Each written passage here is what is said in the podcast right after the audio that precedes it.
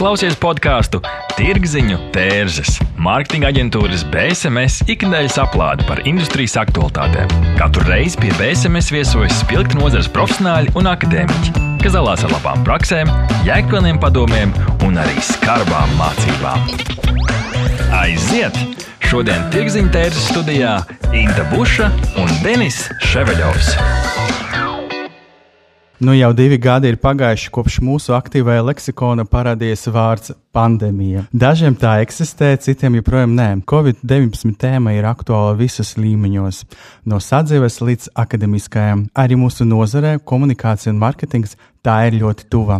Esam pārliecināti, ka mūsu klausītāji, ja nebija paši iesaistīti kāda no Covid-19 kampaņām, tad pazīst vismaz divus cilvēkus, kuri ir. Pa diviem gadiem ir iekrāta milzīga pieredze, globāli un lokāli. Tirgziņu tērze pirmā jauna gada epizode numurs 44 ir veltīta valsts komunikācijai Covid-19 laikā, tāpēc šoreiz studijā viesojas profesora Anna Rožkalne, RSU komunikācijas katedras dekāne, grāmatu autore un Liene Kupča Pakalpojumu komunikācijas stratēģe bija daļa no komandas, kas strādāja pie valsts kancelēs īstenotā vienotas vizuālas komunikācijas un sociālā dizaina projekta. Sveiki! Sveiki! Labdien! Šodien mūsu viesi pievienojas mums Zumā, tāpēc skaņa kāda ir, tāda ir, bet tēma ir ļoti aktuāla. Divi gadi pandēmija ir pagājuši. Kādi vispār mainījies novērtējumi? Kā mēs vērtējam šo visu parādību 2020. gadā? Kādi bija izaicinājumi? Kas mainījies pa gadu?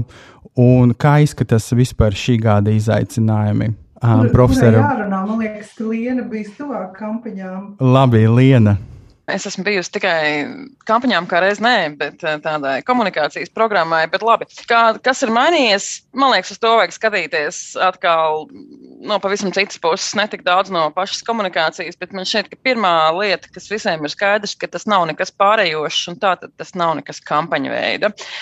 Un pandēmija šādā vai citā izpausmē no tā, ko mēs par to zinājām vai domājām pirms diviem gadiem, jā, man šķiet, pirms četriem, bet pirms diviem, kā īstermiņa grūtības no marta līdz jūnijam, vai kā nu mēs to visu skatījāmies pašā, pašā, pašā tās sākumā, līdz, nu jau šobrīd tiešām diviem gadiem. Ļoti mainītām dzīvēm, ikvienam cilvēkam un visur pasaulē. Līdz ar to šis nav kampaņu veida projekts. Tā ir tad tā viena no galvenajām lietām, ka mēs ieraugām katrs viens savā profesionālajā dzīvē, savā komunikācijā, to, ka ar kampaņām vai ar īstermiņa injekcijām nekas nebūs līdzēts. Ka mums visiem kopā, gan tiem, kas kaut ko stāsta, gan tiem, kas kaut ko dara, gan tiem, kas pieņem lēmumus, tas kartes, tā karte un lineāls paliek aizvien lielāks un aizvien neparedzamāks uz priekšu.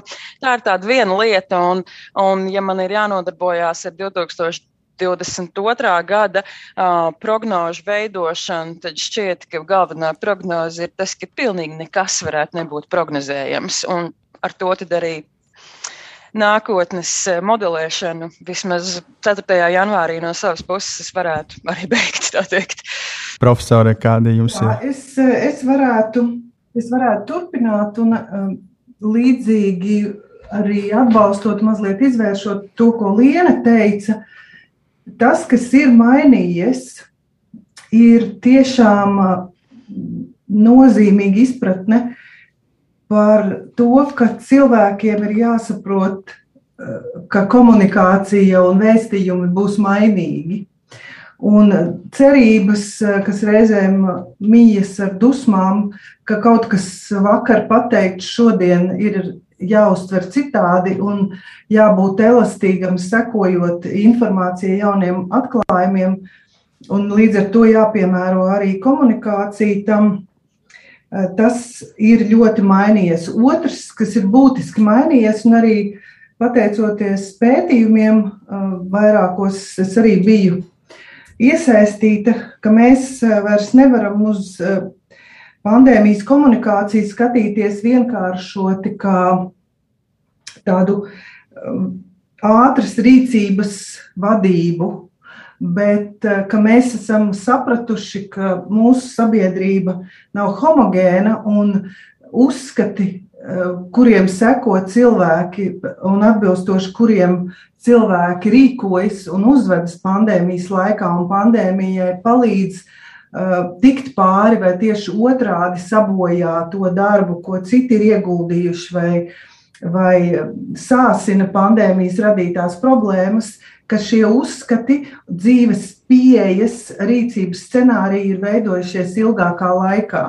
Un līdz ar to, un, un trešā lieta, kas ir mainījusies, un arī pateicoties pētnieku uh, darba uh, rezultātu uzklausīšanai, mēs esam sapratuši, ka ir tādas uh, sabiedrības grupas, kuras ir specifiski jāuzrunā, ka viena un tie paši ļoti skaidrie vēstījumi nedarbojas visiem vienādi, lai cik tie būtu vienkārši vai, vai iedvesmojoši.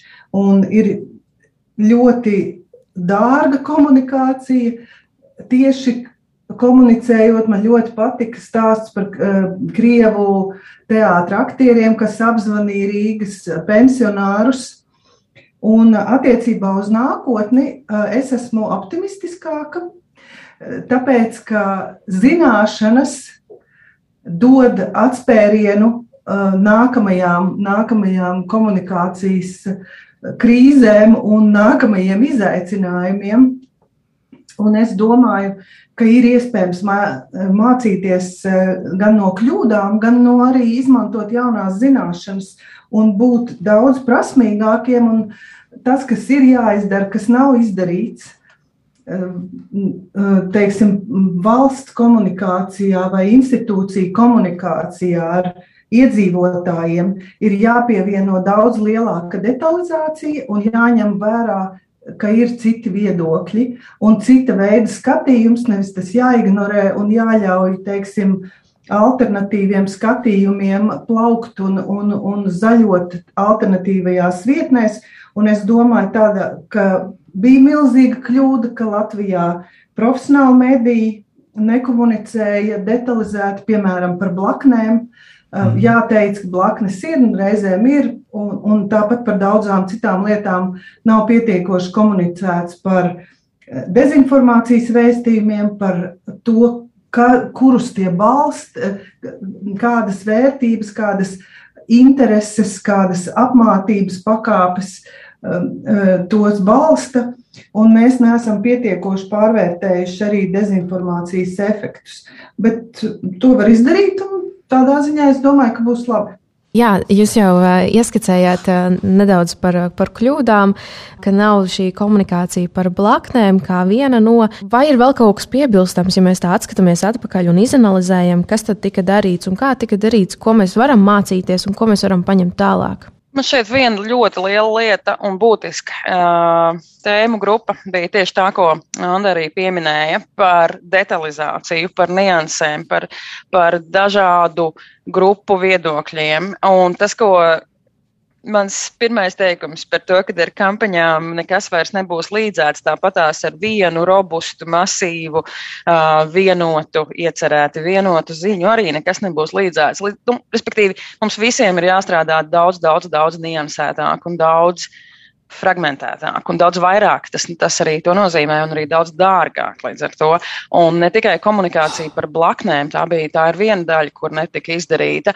Es domāju, ka diezgan liela kļūda arī bija vakcinācijas sākuma, nu ne tikai loģistikas organizēšana, ne par to, bet arī veids, kā mēs, kā mēs komunicējām uh, nepieciešamību vakcinēties to brīdi un kā tas bija šobrīd, uh, novembrī, piemēram, 21. gada.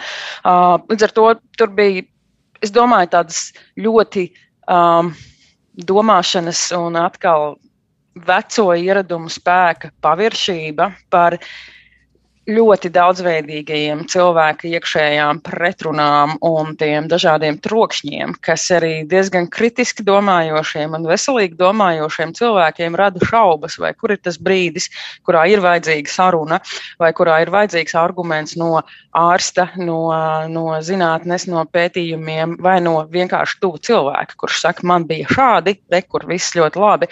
Respektīvi, mēs visi strādāsim daudz vairāk un daudz, daudz, daudz niansētāk, lai šādus tik liela mēroga krīzes turpmāk spētu novadīt arī komunikācijā. Tā ir viena no lielajām lietām, manuprāt.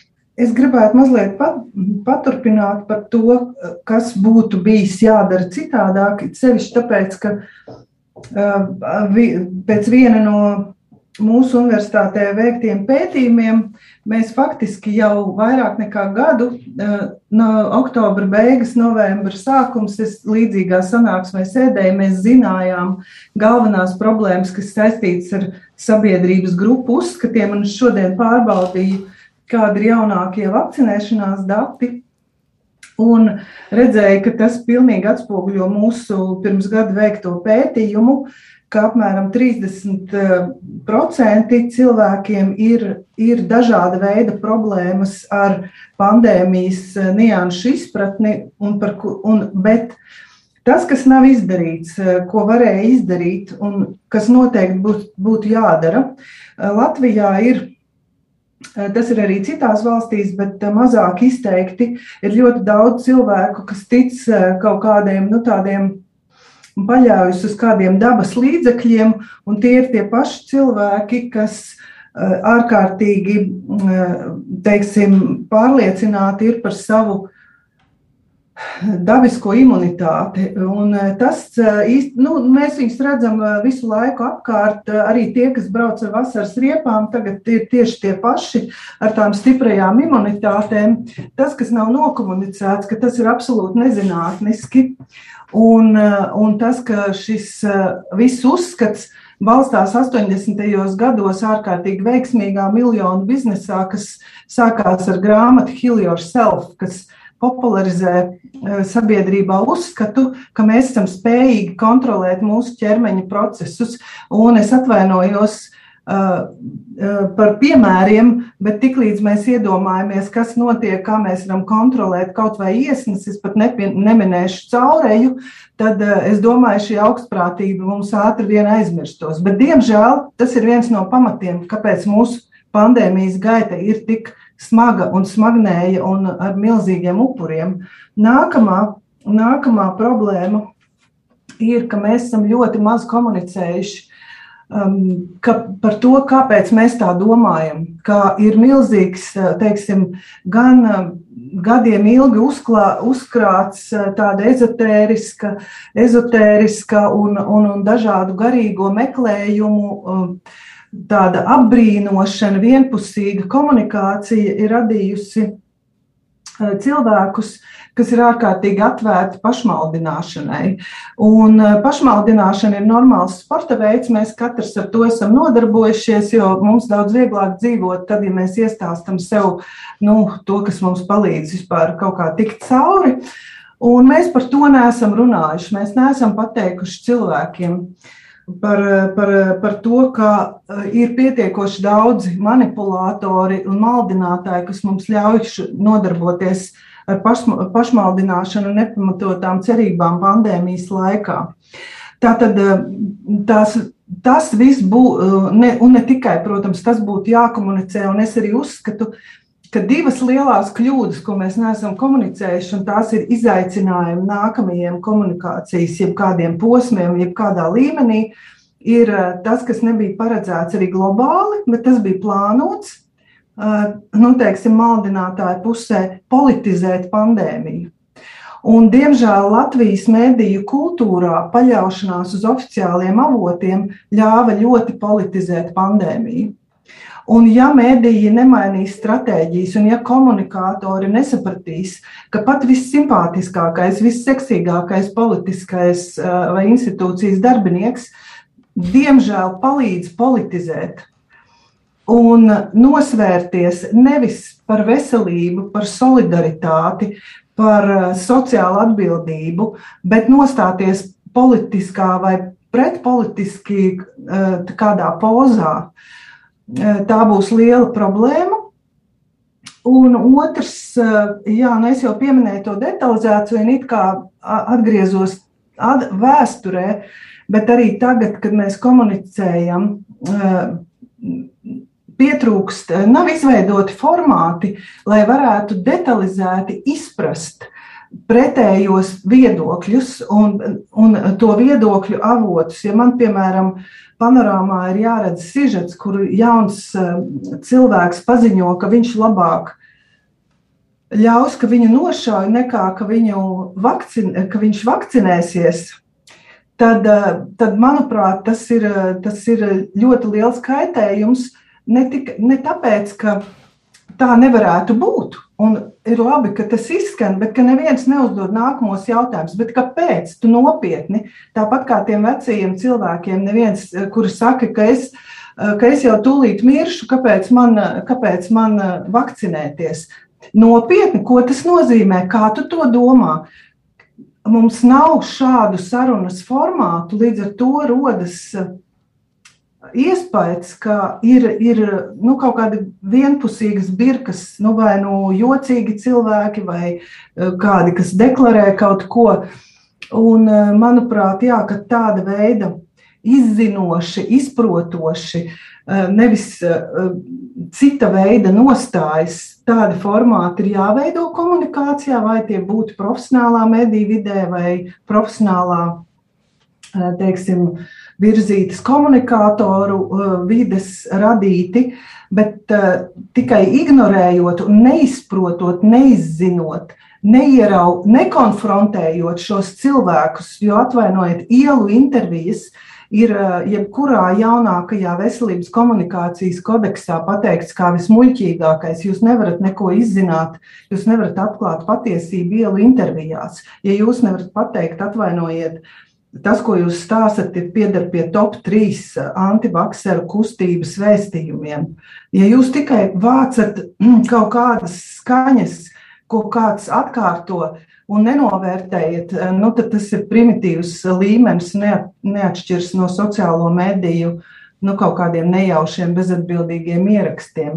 Nu, tas, manuprāt, ir ļoti, uh, ļoti svarīgi izmainīt arī medijiem savas eh, stratēģijas un ieraudzīt, kas man ļoti patika, Cālīša kungs, ka runāja, ka, teiksim, polarizācija mūs noved pie reliģiska, eh, reliģijai līdzīgām pārliecībām, pie neizkustināmām. Jā, bet tad mums ir jāpasaka, ka mums ir tādi cilvēki, viņi nav daudz, bet viņi ir ārkārtīgi spilgti, jo viņu ticība, iedomājieties, ir tik spēcīga, ka ticīgais jau nepadosies neticīgajam. Ja?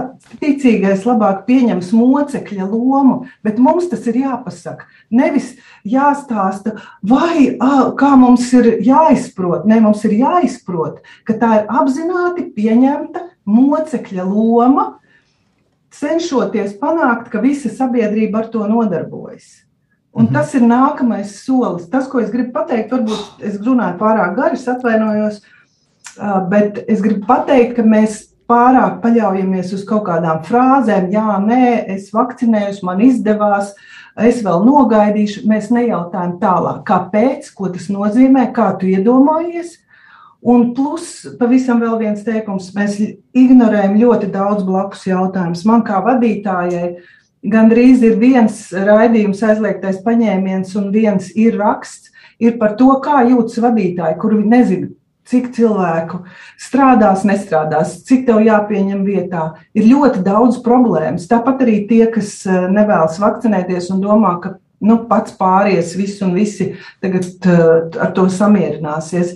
Ļoti daudz uh, tādas informācijas, ko nevar izstāstīt uh, darbinieki institūcijās, bet gan cilvēkus, kuriem attiecas pandēmijas pārvarēšana, nav izstāstīti šie stāsti.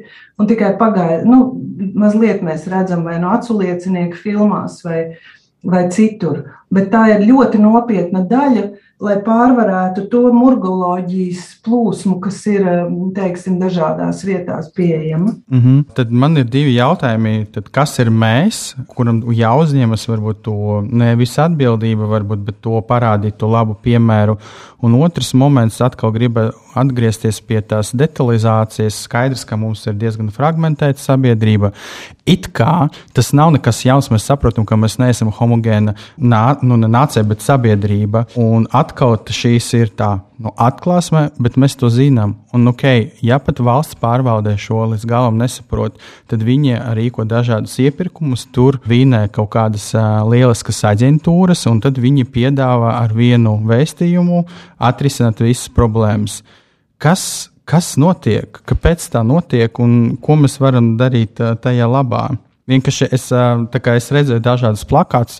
Viņi pat es esmu pro vakcīnu, es to it kā saprotu. Nevienmēr pats varu paskaidrot, kāpēc, bet es to sen esmu internalizējis. Bet redzot kaut kādus tur plakātus, kur uzzīmēts cilvēki ar plaksteriem, viņi man, pat man, neko nepasakā. Kas, kas notiek, kad, kā mēs varam to mainīt? Tas neatiecas tikai uz, varbūt, uz vakcinācijas kampaņām, bet arī visam pārējiem lietām. Liene? Es mēģināšu, uzdevi divus jautājumus, abus milzīgi plašus. Es varbūt iešu uz to otro daļu par tiem valsts komunikāciju un valsts kampaņām. Pirmkārt, ir ļoti viegli kritizēt. Otrakārt, reizēm tas ir ļoti pamatoti. Un trešā, tāda lielākā, svarīgākā lieta, kas arī drusciņi viņi gribās ielikt lielākā kontekstā par to pašu kampaņu pieeju. Tas, kas, tas, ko es jau teicu sākumā, un kas izriet no daudziem pētījumiem un no, un no vispār visa pēdējā laika norisēm, ne tikai mūsu sabiedrībā, bet visur, um, ir tas, kad, ka um, jā, ar šo te kampaņu un sprinta un īstermiņa, jebkura veida īstermiņa un tādu ļoti lineāro pieeju, pasaku to, panāku tādu rezultātu, ja nepanāku, tad uh, ielieku vairāk naudas vai smalkākus instrumentus un visu vēdu līdz sevis iecerētajam biznesa uh, mērķim. Uh, Šo visu mēs varējām darīt iepriekšējos um, daudzus simtus gadu, un ar zināmiem panākumiem arī nu, tādā veidā strādāja nozars un, un, un, un industrijas. Pandēmija ir būtiski ietekmējusi vairākas lietas, gan arī kontekstā ar, ar, ar mediju patēriņu izmaiņām, ar to, ko Andri ļoti lieliski ieskicēja, un tas ir milzu problēma ar um, uzticēšanos gan, uh, gan kanāliem, medijiem, gan cilvēkiem, autoritātēm, ar personīgo ar zināšanām īstenībā. Uh, jo man liekas, ka uh, ir vēl viena lieta, ko mēs arī visi kopā esam ieraudzījuši šo, šo divu gadu laikā. Tas ir, um, šeit es būšu atkal barga. Uh, tas nav mans mērķis un tas nav mans klasiskais formāts, bet man šķiet, ka mēs esam ieraudzījuši, cik ļoti daudz. Um, nevis izglītot cilvēku ir mums apkārt, un izglītot tādā ziņā arī kā domājošu, kritiski domājošu, un daudzas autoritātes. Um, pat diemžēl arī ārsti, ir um, diezgan skumji izgaismojušies um, dēļ uh, sava viedokļa, nu, dēļ šīs pašas. Um, Maiticības uzturēšanas dēļ, iešanas kaut kādā citā plūsmā, kas ir bīstama. Šim brīdim daudzos kontekstos, ne tikai veselības uzvedībai un ne tikai pandēmijas pārvarēšanai. Ar to es gribu teikt, ka um, tās visas kampaņas, kuras ir bijušas īstenotas par vakcināciju, par, um, par um, ierobežojumu ievērošanu, Cilvēciski es to diezgan labi varu saprast, un mazliet zinot, cik maz cilvēku, kāds ļoti, ļoti noplicināts un pārslogots cilvēku resursu šobrīd ir valsts pārvaldē. Skaidrs, ka iekšpusē tu ne, tev bieži vien nav pat laika, lai uztaisītu labu darbu uzdevumu, jēdzīgi un saprātīgi novadītu šo kampaņas vai šo iepirkumu procesu. Vispirms sāksim ar to. Un, uh, tā lielā problēma ir cilvēku resursu trūkums. To skait arī komunikācijā, un jo īpaši uh, strateģiskajā komunikācijā, komunikācijas stratēģijā. Jo valsts kancelējā ir cik cilvēki, es negribu nevienu apvainot, bet man šķiet, ka pieci, kas ir strateģiskās komunikācijas departamentā. Un viņi visi ir pārslogoti par 379%.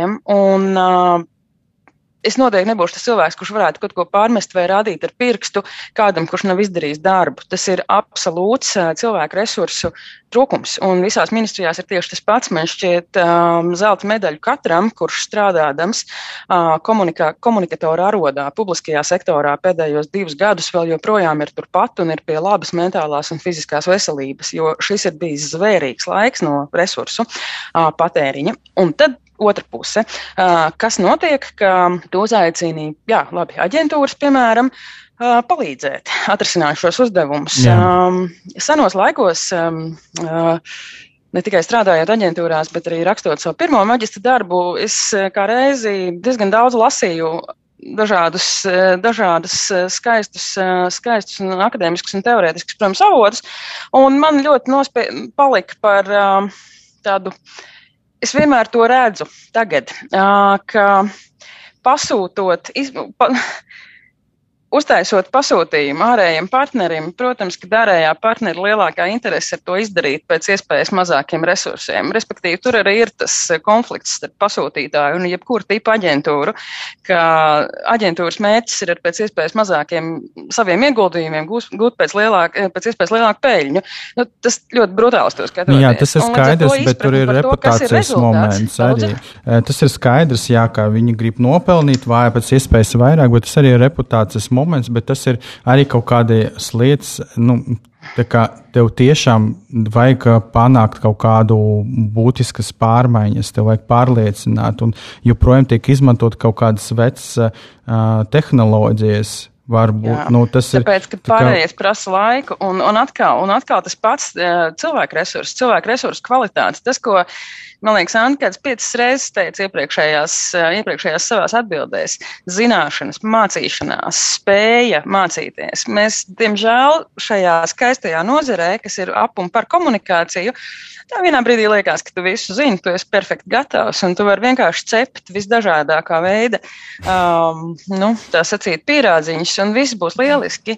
Un šī ir arī viena no ļoti izgaismojošajām lietām, un to es redzu no, no vairākām pusēm savā ikdienas Jā. profesionālajās gaitās, kad nav ar ko. Ir ļoti maz labi izglītotu, domājošu un atbildīgu sarunu biedru uh, nozarē, un tā ir problēma. Nu, jā, nu šeit mēs redzam vairākas problēmas, un viņi visiem ir struktūrāla rakstura.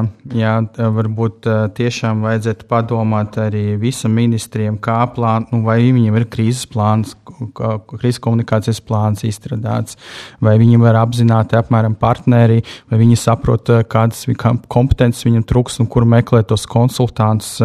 It kā es gribētu labi pāriet uz mūsu epizodes otru daļu un runāsim par to, ko mēs darīsim nākotnē pēc īsa pārtraukumā. Neatbildami jautājumi, sarežģīti lēmumi. Sazinies ar Norstat. Mēs palīdzēsim. Norstat. Tas ir draudzīgs servis, innovatīvi risinājumi un kvalitatīvi dati, lai to varētu pieņemt veiksmīgus, datos balstītus lēmumus. Pievienojies vairāk nekā simts Latvijas uzņēmumiem, kas uzticas vadošajam datorisinājumu nodrošinātājam Ziemeļeiropā. Mūsu mērķis ir atvieglot tavu dzīvi un ļaut pieņemt pareizus lēmumus. Norstat - vērtīgi dati svarīgiem lēmumiem. www.norstat LV Jā, runājot par Norstat, mēs arī noskaidrosim, ka pārsvarā mūsu respondenti pozitīvi vērtē komunikāciju gan par Covid-19 vakcīnām, gan arī par um, vakcinācijas punktu pieejamību. Bet tagad gribētu uh, vienkārši parunāt, kādas ir galvenās mācības uh, no mūsu Latvijas pieredzes, es gribētu, lai mēs uh, apskatītu gan um, tādas mācības uh, varbūt valsts pārvaldes sektoram, privātajam sektoram, komunikācijas speciālistiem, pētniekiem un vispār sabiedrībai. Nu, ļoti, daudz ir, ļoti daudz ir mācību, un tas, tas ir nācis par smagu cenu, bet vienlaikus tam ir liela vērtība. Viens ir viena lielā mācība, un paldies Lienai par drosmīgu pašrefleksiju attiecībā uz nozares kvalitāti un spēju, teiksim, tas, kas ir komunikācijas aģentūrām ļoti svarīgi, ka viņu, viņu tēls ir nepārtrauktie panākumi un, un varoņi, vai varoņi sāga, ja tomēr ieraudzīt, ka visi, ka ir iespējas attīstīties. Tātad pirmā mācība ir tas, ka iespējams mūsu mūsu esošās zināšanas nenodara nākotnes izaicinājumiem. Un tāpēc man bija prieks dzirdēt to reklāmu un arī Norstat datus. Un es pilnīgi noteikti zinu, ka, ka reklāmas un, un cita veida digitālās komunikācijas vai cita veida profesionāli lieliski spēja analizēt datus, kas attiecas uz savām kampaņām vai, vai iniciētiem kādiem vēstījumiem, bet viena, viena mācība ir, ka problēma ir, ka varbūt citus datus par veselību vai par slimību vai par epidemioloģiju mēs nemākam nemākam analizēt. Un tas mums ir jāsaprot. Otrs, mums ir jāmeklē jau uh, struktūrāli tiešām jauna veida formāti, kā komunicēt, ieraudzīt komunikāciju, uh, tomēr saprast, ka uzvedības maiņa nav iespējama ar tiem pašiem panākumiem, uz kuriem mēs Eh, saaicinām cilvēkus uz jaunā lielveikala atklāšanu, ka uzvedības maiņa veselībā nebūs tā, nu, tik, eh, teiksim, pēc tiem pašiem mehānismiem nedarbosies. Mums ir daudzi atklājumi, manuprāt, un tādas mācības, kas attiecas uz pārliecināšanas stratēģijām. Un, manuprāt, ka būs ļoti daudzi atklājumi zinātniski teorijā ieguldījums par komunikācijas efektiem, ja tie tiks pētīti, ka tie nav tik viennozīmīgi. Un es pat gribētu, ko Denis eh, kritizēja, mazliet atgriezties to, to, to plecu kampaņu, teikt, ka eh, nu, man pat negribas slavēt, bet mani, viņa, mani tā nekaitina, jo es saprotu, ka tā ir tapusi laikā, kad visi bija par vakcināciju. Un uh, bet eh, tā nāca klajā tad, kad sabiedrības attieksme bija mainījusies. Un, eh, un, un patiesībā tā vienkārši informēja, ka tagad mēs rīkojamies tā, ka tagad sabiedrība, jebkurš, jebkurš ir aicināts būt iesaistīts. Bet, diemžēl, nu, teiksim, kampaņas laiks varbūt nebija tas pats, pats labākais. Tā ir viena no tām mācībām, ka mums ir arī jāmēģina pārvarēt tādi komunikācijas mīti, ka, ka ir cilvēki, kas mēģina iestāstīt, kā, viņi, kā viņus neviens nevar sasniegt, kā nekādi jautājumi nav atbildēti. Tas ir pilnīgs muļķības. Ja kāds, ir, ja kāds nav sasniegts, tad visticamāk viņš ir ieritinājies pērno lapu kaudzē un tur guļ un, un viss. Jo jautājums ir, kas mums ir jāmācās arī par saņēmēja piedalīšanos, sadarbību ar vēstījumu saņēmēju un arī par saņēmēju atbildību. Mm, tagad es lasu jaunus pētījumus par to, ka vispār jaunā gadsimta komunikācija ir pilnīgi bezjēdzīga, ja tā ir atkarīga tikai no vēstītāja vai no kanāla. Ja saņēmējs neuzņemas atbildību, nu tad, eh, tad tas vairs nav līdzvērtīgi un godīgi. Un mēs varam kritizēt, vai taisnoties, vai meklēt savas kļūdas, kas bez šaubām jebkuram ir. Eh, bet mēs nevarēsim pārvarēt, ja arī tas, tas kuram ir adresēta komunikācija, nebūs apzināti līdzdalīgs mm -hmm. procesā.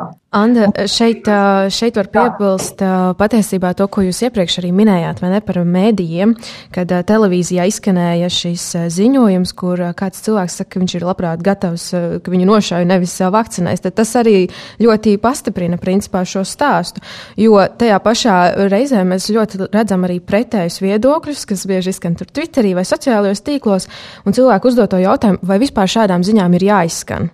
Un tas, ko jūs arī minējāt, abas iepriekš, ka viņām ir jāizskan, tikai tas jautājums tālāk, ko mēs ar šo informāciju darām.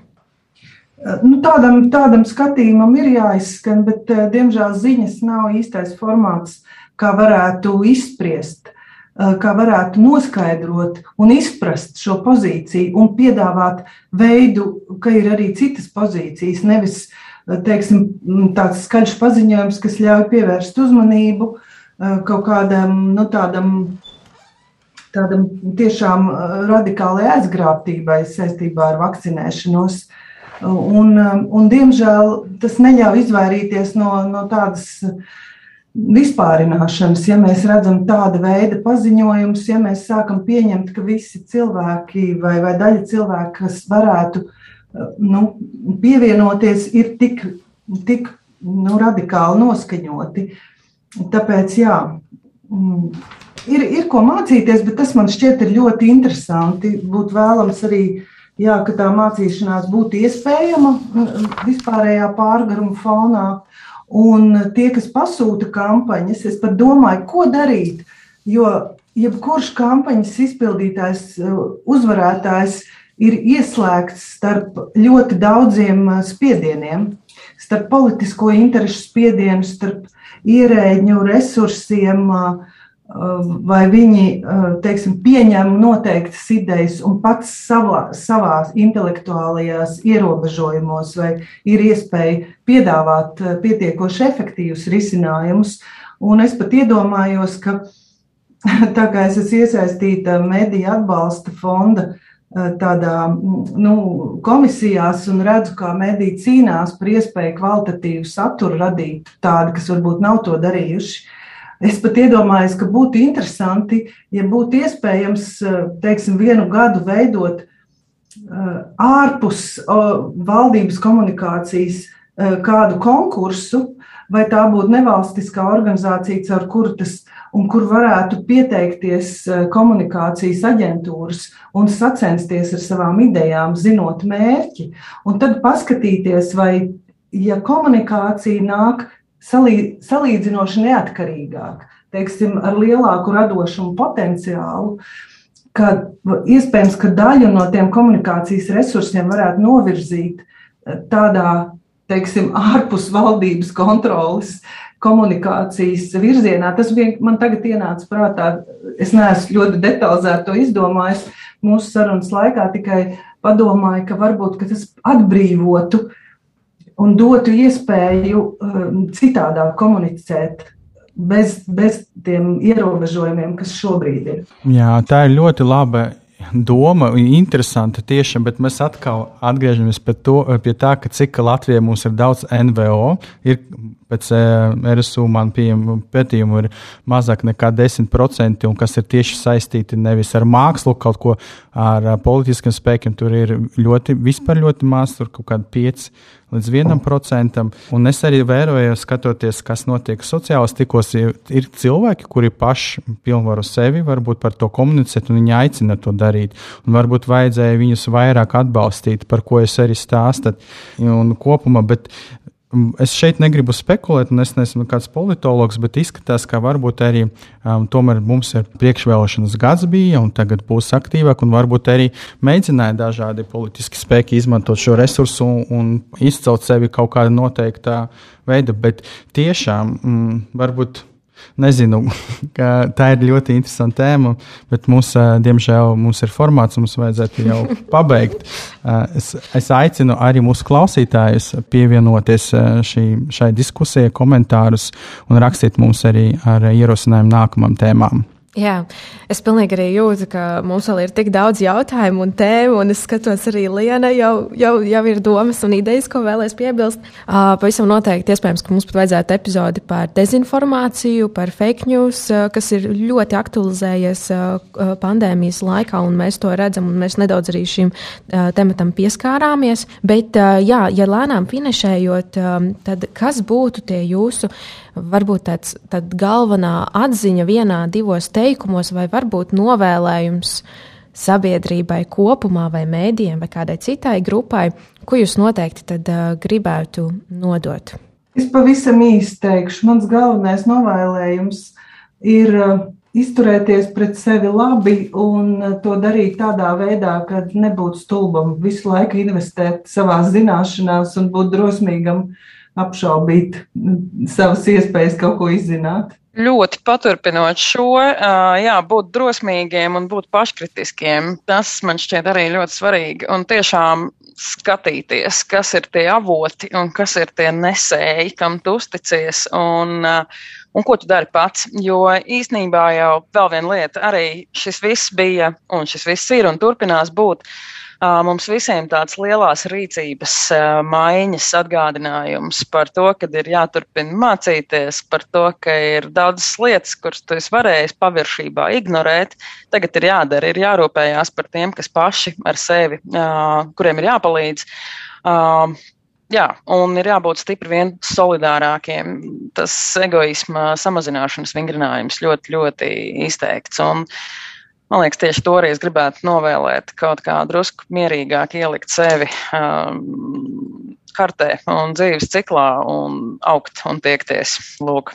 Paldies mūsu viesiem. Ar mums šajā epizodē bija profesore Anna Rožakāne, Rīgas Tradiņu Universitātes komunikācijas katedras dekāne, grāmatu autora, kā arī Liene Kupča, pakalpojumu un komunikācijas stratēģe, bijusi daļa no komandas, kas strādā pie valsts kancelējas īstenotās vizuālās komunikācijas un sociālā dizaina projekta. Paldies! Tā. Paldies, ka klausījāties BSMS podkāstu Tirziņu tērzes. Aplādi ar labām praktiskām, jēgpilniem padomiem un skarbām mācībām. Patika epizode? Dalies sociālajos medijos, ir idejas tēmām vai viesiem? Raksti mums! Tās bija Tirziņu tērzes. Tiekamies nākamnedēļ!